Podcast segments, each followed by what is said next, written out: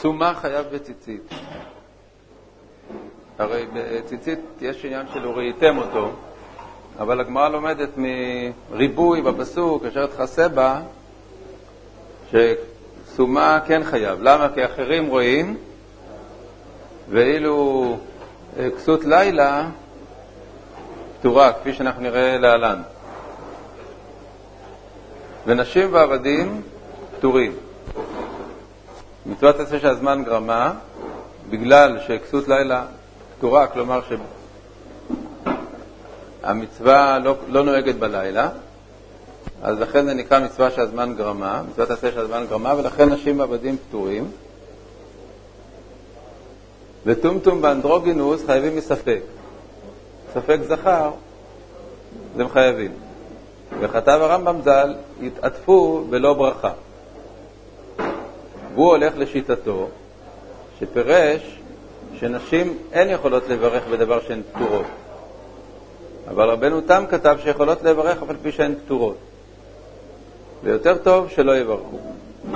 יש מחלוקת גדולה בין הראשונים לגבי מצוות הזה שהזמן גרמה, אם נשים אה, רוצות לקיים אותה, הן יכולות לברך. הרמב"ם סובר שלא.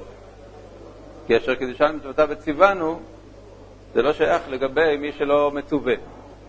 אבל רבנו תם אה, סובר שנשים יכולות לברך על מצוות עשה שהזמן גרמה, כי הלשון אשר קידושן מצוותיו וציוונו זה על עם ישראל, זה לא עליה אישית. האם היא רוצה להתחייב, אז אה, תבוא עליה ברכה. אז זה לא, אין, אין אה, בעיה בזה שהיא גם תברך, מפני שהיא מברכת על זה שהקדוש ברוך הוא נתן את המצווה לעם ישראל. זה בכלל כלל שכל אה, דבר שפטורים ממנו, אז בדרך כלל אה, אפשר לעשות אותו בהתנדבות. למשל אפילו גויים, כתוב שגוי שמקיים מצווה, חוץ מדברים מסוימים שיש לגביהם הסתייגות, אבל גוי שמקיים מצווה אה, נותן עליה שכר, אף על פי שהוא לא חייב. ודאי שבעם ישראל אה, בדרך כלל גם מה שאתה פטור אתה יכול לקיים, אבל פה המחלוקת היא אם לברך או לא. אז הטור כותב יותר טוב שלא יברכו. אבל בשולחן ערוך, אז uh, המחבר תמיד פוסק, כמו הרמב"ם, שנשים לא מברכות המצוות הזה של הזמן גרמה, והרמה פוסק שכן מברכות. אבל במקרה הזה, של ציצית, הרמה כותב על פי, על פי ראשונים, שבציצית יש עניין שמיכזה קיוערה לאישה ל, ל, ללבוש ציצית. הגור, המקור זה בעגור, כותב בשם מעריל, ונשים מלבשות ציצית, שטוטו, ומחזיק כיוהרה. אבל הוא מוסיף, אחת הייתה בשכונתנו שהייתה לו בשתו. כלומר שכנראה זה ככה, שאם יש איזו אישה שהיא במיוחד אה, מפורסמת בצדקתה, אז זה לא שטות ולא יוהרה לגביה. כי היא מחפשת כל מצווה שהיא יכולה לעשות, אבל לגבי נשים רגילות, אז העניין של מצוות ציצית, כיוון שרוב הנשים ככולם לא, לא עושות את זה, הן לא הולכות ל, להתפלל בבית הכנסת וללבוש טלית, אז אחת שלובשת טלית זה קצת אה, בולט, זה לא כמו מצוות אחרות, כמו אה, לולב או משהו אחר, שסוכה שאישה רגילה לעשות את זה ביחד עם האנשים. לגבי ציצית, כיוון שזה היה דבר מאוד חריג, אז היה נמך זה כיורה, אבל בכל זאת היו בכל דור, זה לא רק בדור הזה של המעריל, היו גם בדורות האחרונים, היו נשים שהיו לובשות אה, טלית ומברכות עליה, לפי דעת הרמה כמובן, ואין בזה איסור מצד הדין. אה,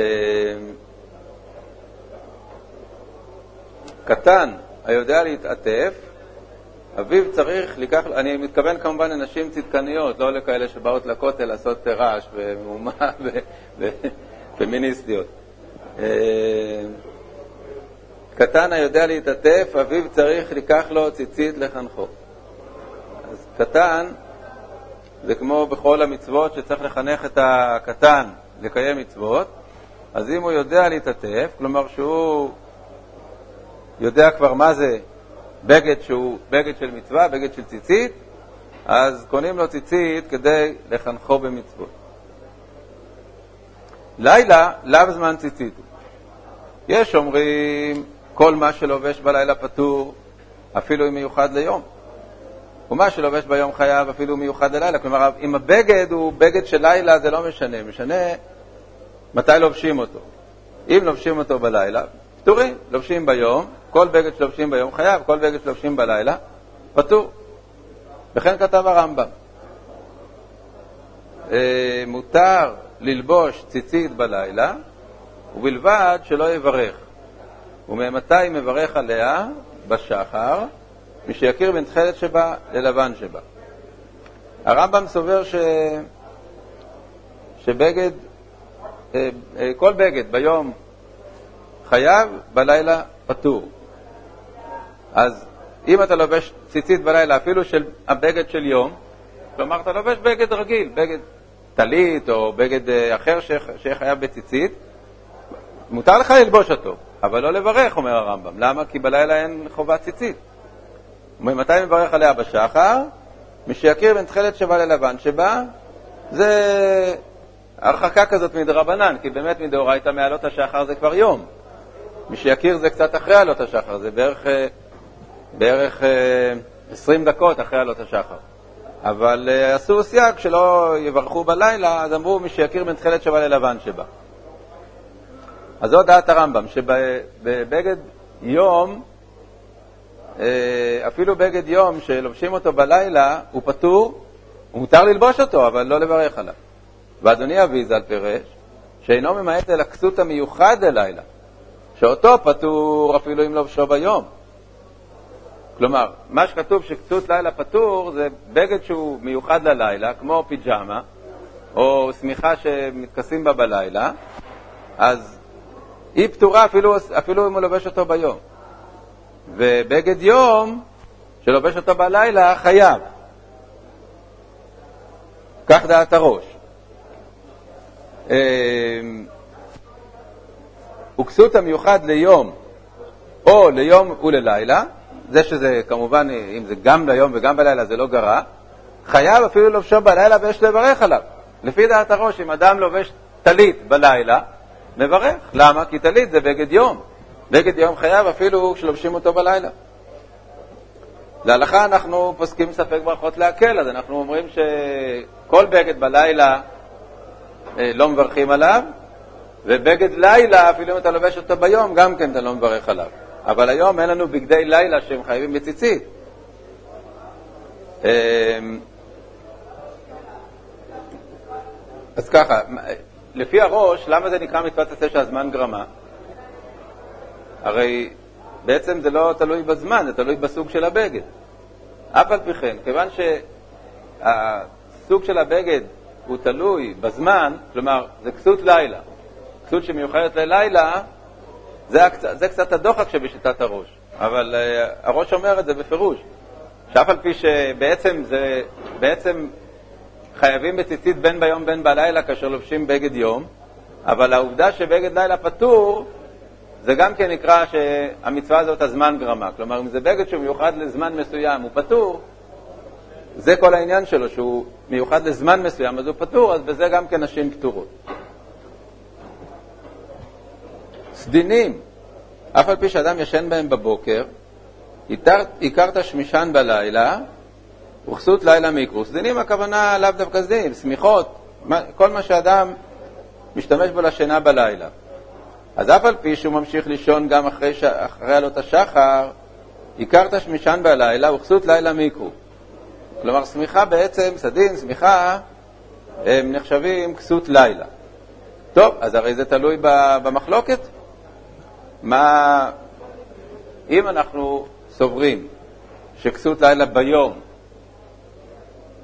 חייבת, כמו דעת הרמב"ם, אז, אה, אז גם שמיכה, אם לובשים אותה ביום, צריכה להיות חייבת. זה לא פותר אותה, זה שזה כסות לילה. לפי שיטת הראש, אז זה ברור, סדינים, אף על פי שישן בהם בבוקר, הכרת יש משן בלילה, הם נחשבים כסות לילה ולכן הם פטורים. אבל מה לשיטת הרמב"ם? אז באמת יש בעיה עם שמיכה אה, שיש בה ארבע כנפות. לשיטת הרמב"ם לכאורה היא חייבת בציצית. אלא מה? יש דעה אחת בראשונים שאומרת ציצית זה רק בבגד שלובשים אותו ולא בבגד שמעלים אותו עליו, בניגוד לכליים. בכליים כתוב, לא יעלה עליך אפילו, אה, אפילו דבר שהוא מונח עליך ואתה לא לובש אותו כמו שלובשים בגד, עם, עם שרוולים ועם, ועם, ועם סגירה, אלא סתם הוא מונח עליך, כמו שמיכה. ואפילו, אה, אז, אז לפי הדעה הזאת, ש, שבציצית לא חייבים בבגד כזה, אז ממילא שמיכה פתורה. אבל שיטת הרבה ראשונים, תוספות אומר בפירוש, לא רק שבגד שאתה מעלה אותו עליך, אפילו בגד שאתה מציעו תחתיך. בכליים יש דין שלא יעלה עליך, אבל אתה מציעו תחתיך. והתוספות אומר שלגבי ציצית זה לא כך, גם בגד שאתה שוכב עליו, גם כן חייב בציצית. כלומר, סדין באמת, לא רק שמיכה, אלא גם סדין, גם כן חייב בציצית. כי זה בגד שאתה, שאתה נהנה ממנו, הוא נוגע, נוגע בך, אתה נהנה ממנו, אז אתה חייב בציצית. זה נקרא בגד, בגדיהם. אז למה באמת אה, זה לא יהיה חייב בציצית, אם אנחנו אומרים שכסות לילה ביום חייבת? אז אומר המגן אברהם, שבאמת נהגו בבגד, בשמיכת צמר, נהגו לעגל את אחת הכנפות, כדי לא להיכנס למחלוקת הזאת. בשמיכת צמר. למה דווקא בשמיכת צמר? כי ב, בשאר מינים ראינו שיש מחלוקת ראשונית, האם בכלל הם חייבים בציצית, מדאורייתא. שאר מינים, חוץ מצמר ופשתים, אה, יש מחלוקת ראשונים, מחלוקת בגמרא, האם הם חייבים בציצית מדאורייתא. אז עכשיו זה כבר ספק ספקה. א', יכול להיות שהם בכלל לא חייבים. ב', יכול להיות שהם לא חייבים מפני שהם כסות לילה, אז ספק ספקה ודאורייתא לכולה. היי תגיד הם חייבים מדרבנן? בסדר, בספק דרבנן אחד גם כן הולכים לכולה. אז יש לנו ספק אם חייבים או לא. לכן, בשמיכות שהן לא של צמר, לא חייבים לעשות את הדבר הזה. בפשתן, אז בכלל אנחנו, קמלן שבגד פשתים פטור, אומנם מדרבנן, אבל בשבע אל תעשה, אבל בכל אופן, אה, סדין בציצית, אה, אנחנו פוסקים שפטור מציצית, שבבגד פשתן פטור מציצית. ולכן, למעשה, המגן אברהם פוסק, וכך מביא המשנה ברורה, שבשמיכת צמר ראוי לעגל אחת הכנפות, כי אחרת נכנסים פה לספק של חיוב אה, ציצית בשמיכה הזאת. כך באמת בני תורה נוהגים. שמיכת צמר, היא עשויה מצמר, לא סינתטית ולא משהו אחר, מעגלים את אחת הכנפות של השמיכה אה, כפי שפוסק המגן אברהם, וככה אה, יוצאים מהספק הזה שמא היא חייבת בציצית. סימן י"ט, אין חיוב ציצית אלא בטלית שרוצה ללבוש.